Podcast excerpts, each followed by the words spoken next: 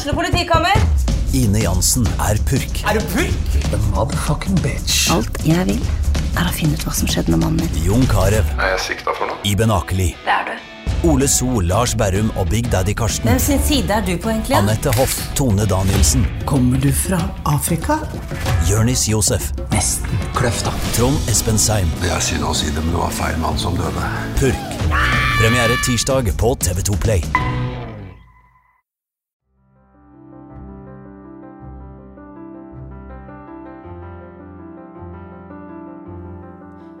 Dagens episode forteller Hanne Noren helt ærlig om valget sitt om å få et barn ved hjelp av spermdonasjon.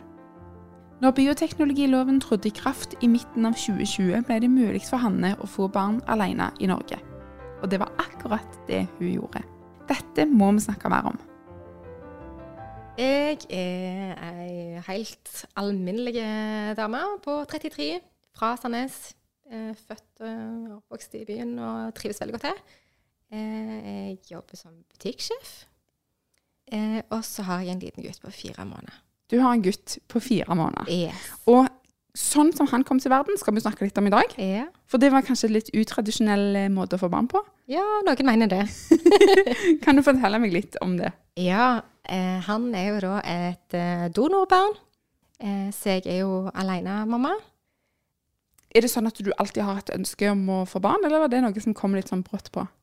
Ja, jeg eh, Egentlig så er jeg utdanna barnevernspedagog, så jeg er på en måte vant med å jobbe med barn. Jeg har jobbet i barnehage. Jeg har veldig mange tantebarn, og mange, mange bonusbarn. eh, tantebarn. Mm. Eh, så ja, jeg har liksom alltid tenkt at barn det har jeg hatt lyst til å få en gang i fremtiden. Så tenker man at man har all verdens med tid.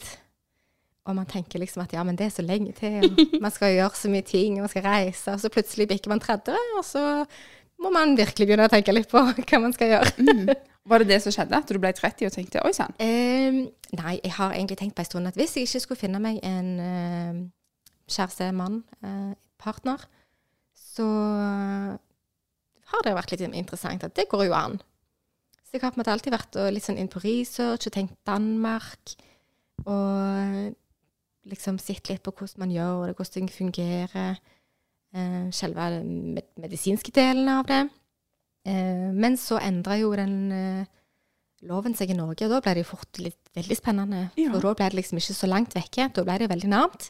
Så tenkte jeg ja, og så var det korona og litt sånne ting da. Og så tenkte jeg OK, jeg snur meg om, og så gjør jeg det bare. Er det sant? ja. Det er jo ganske kult. ja. Hvordan gikk du fram når, Ja. du, når du tenkte, satt hjemme og tenkte OK, jeg bare gjør det? Ja. Hva skjer så?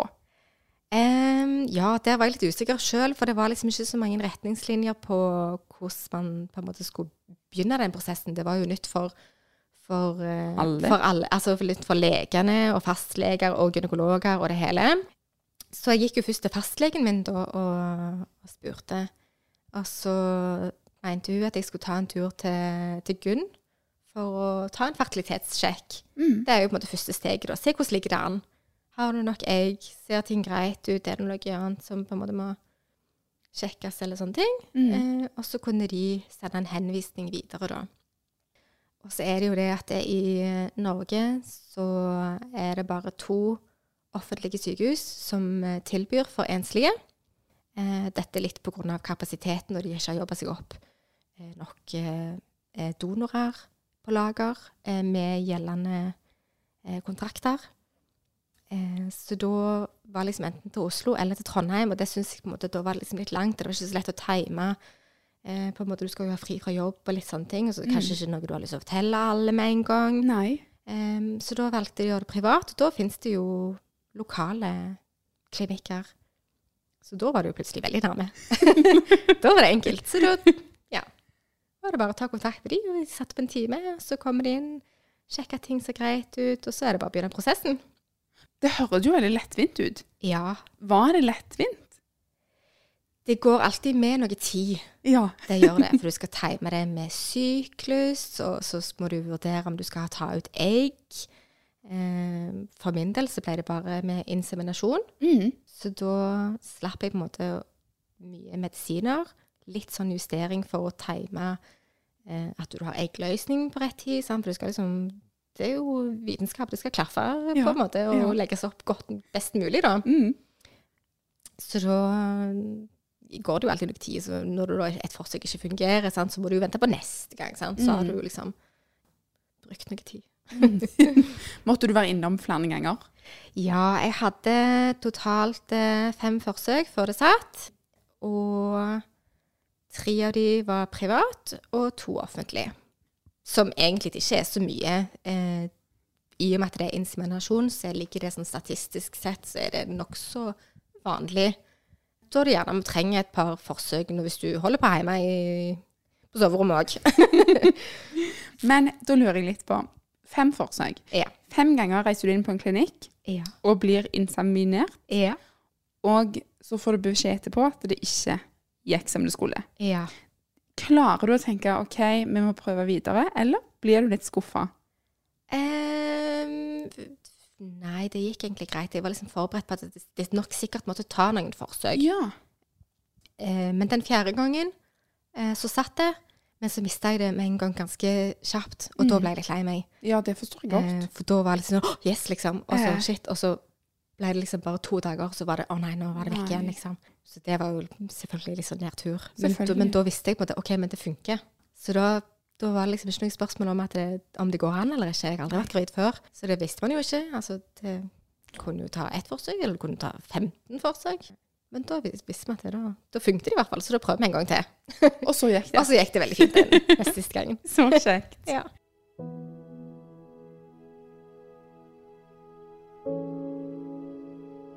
Jeg tenker litt på dette med spermdonasjon. Mm. Når jeg ser det for meg, så ser jeg gjerne Jeg har gjerne et bilde fra en film eller noe sånt, Mm. om at du sitter i en katalog og blar gjennom en haug med menn Ja. og ser Han har de øynene, han har sånn hår, ja. han har disse genene. Vil jeg ha sånn eller sånn? Mm. Er det sånn på, i virkeligheten? Nesten. Ikke helt. Det er litt forskjell på privat og offentlig. For i Norge så får man kun bruke donorer eh, med åpen profil. Ja. Det vil si at du, når barnet fyller 15, så kan det velge å få vite identiteten til en donor. Så da kan man kun velge blant de som har de godkjente profilene.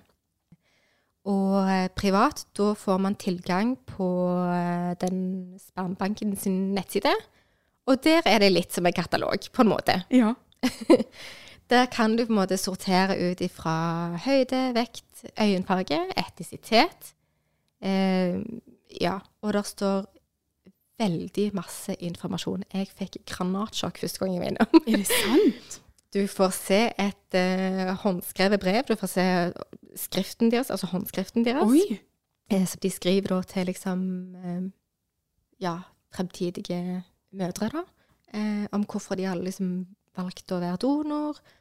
Litt sånn slektstre og type interesser, hobbyer, arbeid, høyde, vekt, lengde, størrelse på klær, sko. Alt mulig. Du kan nesten identifisere dem på gata. Ja, og det er til og med lydopptak så du kan høre stemmen. Og du kan, i noen profiler så kan du òg se babybilder. Det er ganske mye. Det er veldig mye informasjon. Ja, veldig mye. Hvordan- Det var jeg ikke forberedt på sjøl. Nei, det kan jeg godt forstå. Ja. Hvordan velger du? Eh, for min del så var det på en måte å bare velge noen som jeg følte at kunne på en måte passet inn i vår familie. Altså hvis jeg hadde tenkt at dette er en sånn person som hadde sklidd inn i vår gjeng, og når du ser bildene, så ja, han ligner jo litt på, liksom, på oss. Så da velger jeg de. Han skal passe inn i, i Han skal liksom passe flokken, inn liksom. i, i flokken, ja. Rett og slett. Ja. Kjempekult. Blir du overvelda av å se over så mange profiler? Eller Ja. er det en haug Altså, hvor mange kan du velge mellom? Det er ikke så mange. Og privat eh, så er det ikke sånn at jeg kan ikke velge akkurat han. Nei. Eh, men jeg kan sette opp tre ønsker, og så er det litt med eh, hvor mye de har på lager, og hvor god kvalitet. Det er noe som heter motilitet. Det er liksom hvor raskt de svømmer. For det kreves litt raskere svømming for inseminasjon kontra det med assistert befruktning, altså befruktning i skål. Eh, så, så du setter opp tre ønsker, og så skal klinikken velge én. For jeg, jeg får ikke vite hvem det er. Nei. Det er liksom Hvis barnet mitt ønsker å få vite det, så er det barnet mitt som får vite det når han blir 15. Ja. Ja. Og hvis han ikke vil det? så vet dere Så vet vi ikke det. Nei. Hva tenker du om det? Jeg tenker det er helt greit. Det er klart at man blir jo litt nysgjerrig og lurer jo litt på Jeg lurte jo lenge på i graviditeten hvordan den kom til å se ut. Hva er liksom den der jokeren på en måte i genene? Kjenner jeg meg sjøl igjen? Altså, hvem ligner den på? Ligner den på meg, eller blir det helt sånn en annen person? Eh, ja. Men så er det jo litt annerledes med at han er jo eh, Siste forsøk var offentlig, og der er det litt andre regler. Ja, hvordan er- reglene der? Der får man ikke velge noen ting. Men klinikk, altså klinikken velger for deg, og de velger en som ligner på deg. Og det har jo noe med eh, tilhørigheten til barnet. At barn skal vokse opp og på en måte føle at det, det hører hjemme i den familien den vokser opp i. Mm. Den skal ligne mest mulig på meg, da. Mm. Mhm. Du har jo prøvd både privat og offentlig, Ja. og jeg syns jo at det høres ut som det er ganske store forskjeller. Hva likte du best? Em, jeg har veldig sånn Jeg liker ikke sykehus. Nei. Så det er liksom en sånn minus at du må faktisk på et sykehus. Ja. Kontra en liksom, litt sånn koselig klinikk eh, Duftlys. med fine planter og liksom, Ja, og veldig Altså, alle sykepleiere og alt rundt er jo måte veldig på serv servicedelen, da. Ja. Det er jo det de tjener penger på, selvfølgelig. Så ja. Eh, men det er ingenting negativt å si om sykehus heller. Altså, det, var med, det gikk veldig fint for seg, og veldig hyggelige folk. Mm. Flinke leger. Ja. Fem forsøk. Var det fem måneder på rappen, eller gikk dette over en lang periode? Det tok ja, kanskje ca. to år. Ja. røffelig. Jeg hadde en liten pause etter de tre første. Privat tok en liten sånn pause og liksom bare pusta litt. Eh, mens jeg søkte offentlig, da er det litt ventetid på å komme i gang. Eh, men når du først kommer i gang, så går det ganske radig. Men det er klart at du må time på syklusene. Sant? Så en syklus, da, så må du vente på neste. Mm. Så, To år. mm. Det syns jeg høres ut som en lang periode. Hvordan har du det da når du prøver og prøver og tenker sikkert mye på dette? Ja. Du havner litt inn i en sånn en boble, og det er litt sånn berg-og-dal-bane, for det er veldig mye følelser, og de medisinene man får, kan gjøre deg litt sånn ustabile, på en måte. Ja. Får jo en eh, eggløsningssprøyte, og den eh, inneholder HCG, som gjør at du gjerne får litt de reaksjonene du får som når du er gravid. ja. Blant annet, så da fikk jeg kjenne litt på det. Liksom, ja, kvalm og litt sånn, litt sånn stusslige. Sånn. Så ja, nei, det er klart at det, det er en berg-og-dal-bane. Du tenker veldig mye, og du tar veldig mye plass i hodet ditt. Ja, det kan jeg tenke meg. Du sa medisiner. Hvorfor får du medisiner? Medisiner litt, eh, litt for eh, Jeg har PCOS, eh, som gjør at det var litt vanskelig å vite når eller om jeg hadde eggløsning. Mm. Veldig lange sykluser. Så for å få den syklusen på nøyaktig lengde og få en eggløsning akkurat etter 14 uker, så fikk jeg litt sånn justering på, på det. Så det handler for å gjøre, gjøre forholdene best mulig for å få best mulig forsøk, da. Ja, kjempebra. Jeg tenker òg litt på eh, Mens du holder på med alt dette, sant vel? Ja. Det er to år, tar yeah. lang tid, og du tenker sikkert mye på det. Mm. Em, er det noen som er med deg veldig tett i denne perioden, eller står du i det litt sånn alene? Nei, jeg har ei venninne som har vært gjennom assistert befruktning med partner, da. Så jeg har på en måte delt litt hennes reise med dette her med medisinske delen og sånn, og på en måte vet liksom hva det gikk i og alt dette her. Så når jeg fulgte henne, så følte jeg på en måte at jeg, da, da kunne jeg så mye om det på forhånd. Og da var det liksom ikke så skummelt. Og da var hun på en måte òg med meg på min reise. Ja. Og Kjempefint. du hadde liksom noen du kunne relatere til, og du skjønner liksom det her med medisinene og sprøytene og ditt og datten, sant? Mm. Herlighet. Ja. Det er jo et økonomisk aspekt aspekt med dette òg. Ja. Eh, når man gjør det på gamlemåten, så er det bare til å kjøre på. Mm. Men her skal du på en måte få litt hjelp på veien, da. ja. Hvor mye, hvor mye koster dette? Med mine tre eh, private forsøk så havna jeg jo oppi 100 000. Det koster litt for medisinene. Eh, nå hadde ikke jeg så mye av de dyre medisinene, men de koster ganske mye hvis du skal ha for eh, egguttak. Um, der kan du få igjen fra Helfo over en viss sum, men det, ja, du må allikevel ut med mye. Ja. Og så er det jo litt for selve behandlingen at det de gjør, eh, undersøkelser, eh, ultralyder, alt dette her. Og så koster selve strået, som det heter, eh, donorstrået, det koster Mitt koster vel om lag 25 000 eh, per gang. Ja. Ja. så det, det blir fort noen summer ut av det. Mm. Og når du gjorde det offentlig, var det gratis da? Da var det en egenandel på 1500 kroner. Så det er litt annerledes. Det er litt å spare der. Så. Ja, det er det. Men ja, også siden jeg måte var ganske tidlig ute når den loven ble endra, så havna jeg nok på en måte ganske langt fram i køen. Nå er det jo klart at det er mye etterspørsel, lengre ventetid. Eh, så det òg har jo noe å si hvor lang tid har du å vente. Eh, noen har gjerne ikke nok egg, at de, de, de må bare gjøre det med en gang. Mm, det er nå eller aldri. Ja. Før du starta denne prosessen, og når du skulle fortelle dette til folk, jeg vet ikke, venner og familie og Ja. nær krets, ja. eh, hvordan, har det, hvordan ble det møtt? Eh, ja Jeg har ikke fått noen negative reaksjoner fra noen eh, ennå. Veldig mye positivt. Og jeg har jo snakket med vennene mine om dette her før jeg gjerne har fortalt om mor og far. Men eh, nei, jeg har ikke fått noen reaksjon, negative reaksjoner. Nei. Bare mye støtte. Du snakker jo med meg om dette nå, Mm. så jeg regner jo med at du skal fortelle det til sønnen din når han blir eldre. Hva skal du si? Ja, den er litt tricky. Mm. Eh, der ligger på en måte òg visse føringer med denne nye loven i Norge. Ja. Og det vil jo Altså, det er jo ikke sånn at du må gjøre det, ellers blir du arrestert. Men, men, men barnet skal på en måte vokse opp med å vite at det er et uh, donorbarn.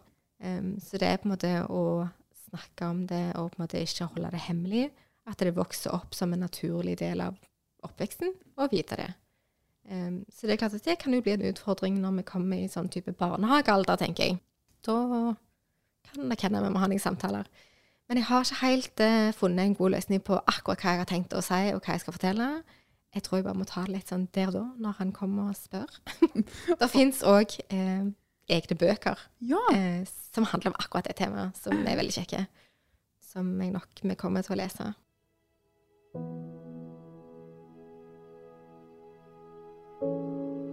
Hvordan var graviditeten? Ja, jeg syns det var så gøy å være gravid. Jeg koste meg egentlig veldig med å være det, selv om jeg var skikkelig stusslig. Jeg var veldig dårlig form. det Ja. Jeg hadde mye plager. Men jeg likte, jeg likte meg som gravid. Ja, det gjorde jeg. Ja. Forstå. Nei, jeg, synes, jeg følte meg flott, det. Ah. Selv om jeg hadde gått ned eh, to kilo fordi jeg hadde kastet opp eh, i fire måneder. Eh, ja. Men, Mm. Så, men jeg følte meg etter hvert, når det begynte å stabilisere seg litt, og det bikka en viss Ja. Ikke kvalmen og dårlig lenger, Mm. og ikke hadde for mye bekkenplager, så følte jeg meg ganske OK. Du likte å være gravid, egentlig? Jeg gjorde det. Det er koselig å kjenne liv, og liksom Koselig å vise magen. Jeg følte meg veldig fin, faktisk. Kjekt. ja. Eh, så skal du føde. ja. Var du alene på fødestua, eller hadde du med deg noen? Nei, jeg hadde med meg søsteren min, faktisk. Er det sant? Hun var, mm, hun var min fødefater. Hun er utdanna sykepleier, og så har hun fire barn fra før. Ja. Så, hun visste det. så hun har liksom kontroll på ting. Ja. Mm. Så det var veldig, veldig greit. Og, men det er klart at vi har jo nå et eh, Ja. Vi har jo en opplevelse i lag som vi nok ikke hadde tenkt vi skulle ha på forhånd. Så eh, det var et eventyr, det Ja. òg. Ja, det var det. Jeg tenker òg litt på dette med tida etter du har fått eh, barn. Mhm. Hvordan var nyfødtsperioden? Ja, det er jo noe med disse her barseltårene, da. Og det har de Det er ikke tull. Nei. Eh, Jeg grein mye av ingenting, av glede, men òg litt sorg. Det er på en måte en, litt en sorgprosess når du på en måte ikke er deg sjøl. Du har ikke den samme friheten lenger. Mm. Og selv om du på en måte er så glad for dette lille barnet, så er det på en måte òg en liten sånn Du må bli vant til med at eh, nå er det noen andre her òg. Og jeg følte meg så ekstremt aleine. Selv om jeg hadde jo nettopp fått en helt ny person som på en måte er mitt selskap. Mm. Så jeg eh, var veldig opptatt og veldig avhengig av å være ute og være hos andre og være med folk. For å på en måte ikke føle meg så alene i min lille stue med dette lille barnet. Så det var, det var veldig tøff begynnelse, men samtidig òg veldig fint. Altså, han var jo så fin og så søt og så god og kosa på. og Verdens nydeligste, som alle mødre syns. så berg-og-dal-bane er virkelig Du har så mye hormoner i kroppen og så mange følelser, og ja, alt er bare kaos. Og så faller ting på plass, og så klarer man å slippe taket litt, og så går det veldig bra. Ja. Det gjør som regel det. Det gjør det. Har du noen gang savna noen å dele denne opplevelsen med? Ja, det har jeg nok. Selv om jeg syns det er veldig greit at det, alle avgjørelser som tas, eh, slipper krangler. Jeg trenger ikke å diskutere med noen om ditt eller datt, eller den barnehagen, eller den oppdragelsen, eller sånn, sånn. Men bare det å ha et ekstra hender, eller 'Å, nå må du se på han, og se nå. Nå smiler han, og nå ler han.' Det er klart det savner jeg. Ja, Mm. det gjør jeg. Men mest av alt så savner jeg nok kanskje med liksom bare det å ha et ekstra par med hender, for du har aldri nok hender. så det å dele liksom de tøffe tak òg, er jo Mm. klart eh. Jeg er ikke sånn at jeg, dette skal jeg klare alene, og eh, det var liksom ikke det som er på en måte min historie, da. Nei. Noen tenker kanskje at det er stolemødre er en sånn gruppe kvinner som ikke trenger menn, og, og klarer alt sjøl. Men det tror jeg nok ikke er caset. Jeg tror på en måte bare det er ikke alltid du klarer å finne en partner, og så skal du flytte inn i sammen, og så skal du gifte deg, og så skal du få barn, og så skal du kjøpe ny bil og hus og hytte og alt det der. Mm. Noen ganger må du snu litt på rekkefølgen, kanskje. Så da ble det barn først. Ja. Dater du nå? Nei. Hvem har tid til det? Nei da. Nei, jeg gjør ikke det. Ehm, men det er klart at det har jo jeg òg tenkt på. Hvordan liksom har jeg tenkt å Altså, hvordan logistikkmessig skal jeg ordne det en Ja. gang i framtida, hvis jeg finner ut at jeg skal prøve meg på det? Eh, Jeg har ikke helt funnet svaret, men uh, folk treffes jo på de rareste plasser, så det Ja. Jeg får bare ta det så det kommer. Det var plass til en til. Ja. Hvis det er den rette, så velkommen i familien. Så fint. Ja. Vil du ha flere barn? Ja, ja. Jeg har vurdert liksom nå på en måte Skulle man prøvd en gang til? Kanskje, kanskje ikke. Ikke helt med en gang. Det er altfor travelt akkurat nå. Det er Ja. ikke noe som brenner veldig. Men eh, ja, man begynner jo å reflektere litt på om man har lyst til å gjøre det en gang til. Og akkurat nå så tenkte jeg ja, var det, det var litt dårlig, det. Men eh, en annen dag så tenkte jeg at det går kjempefint. Så det, vi får se.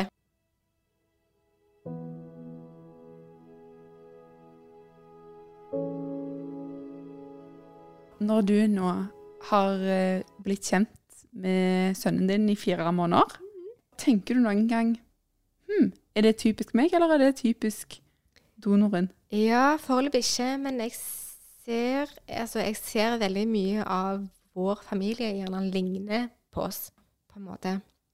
Eller ligner på meg, som ligner på noen i slekta. Ja. Og sånn personlighetsmessig så har jeg ikke liksom stussa ennå. For foreløpig er han, han er en ganske sånn eh, rolig type. Ja, jeg tror ikke han blir ei bølle. Litt sånn forsiktig type. Ja.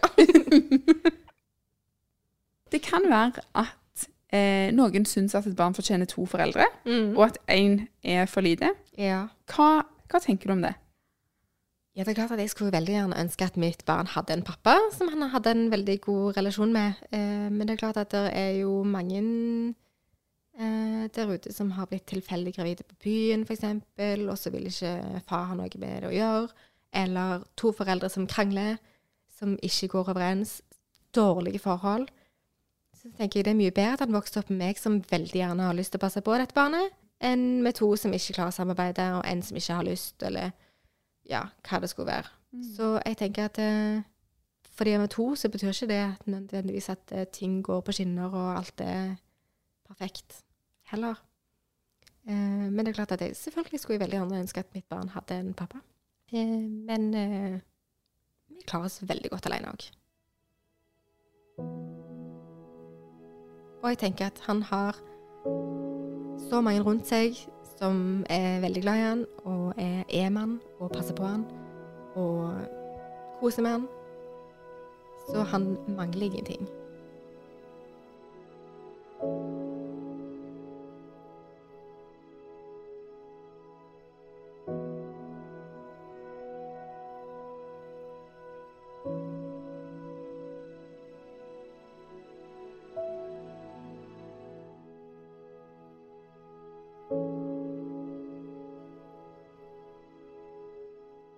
Har du et enkeltpersonforetak eller en liten bedrift? Da er du sikkert lei av å høre meg snakke om hvor enkelt det er med kvitteringer og bilag i fiken, så vi eh, gir oss her, vi.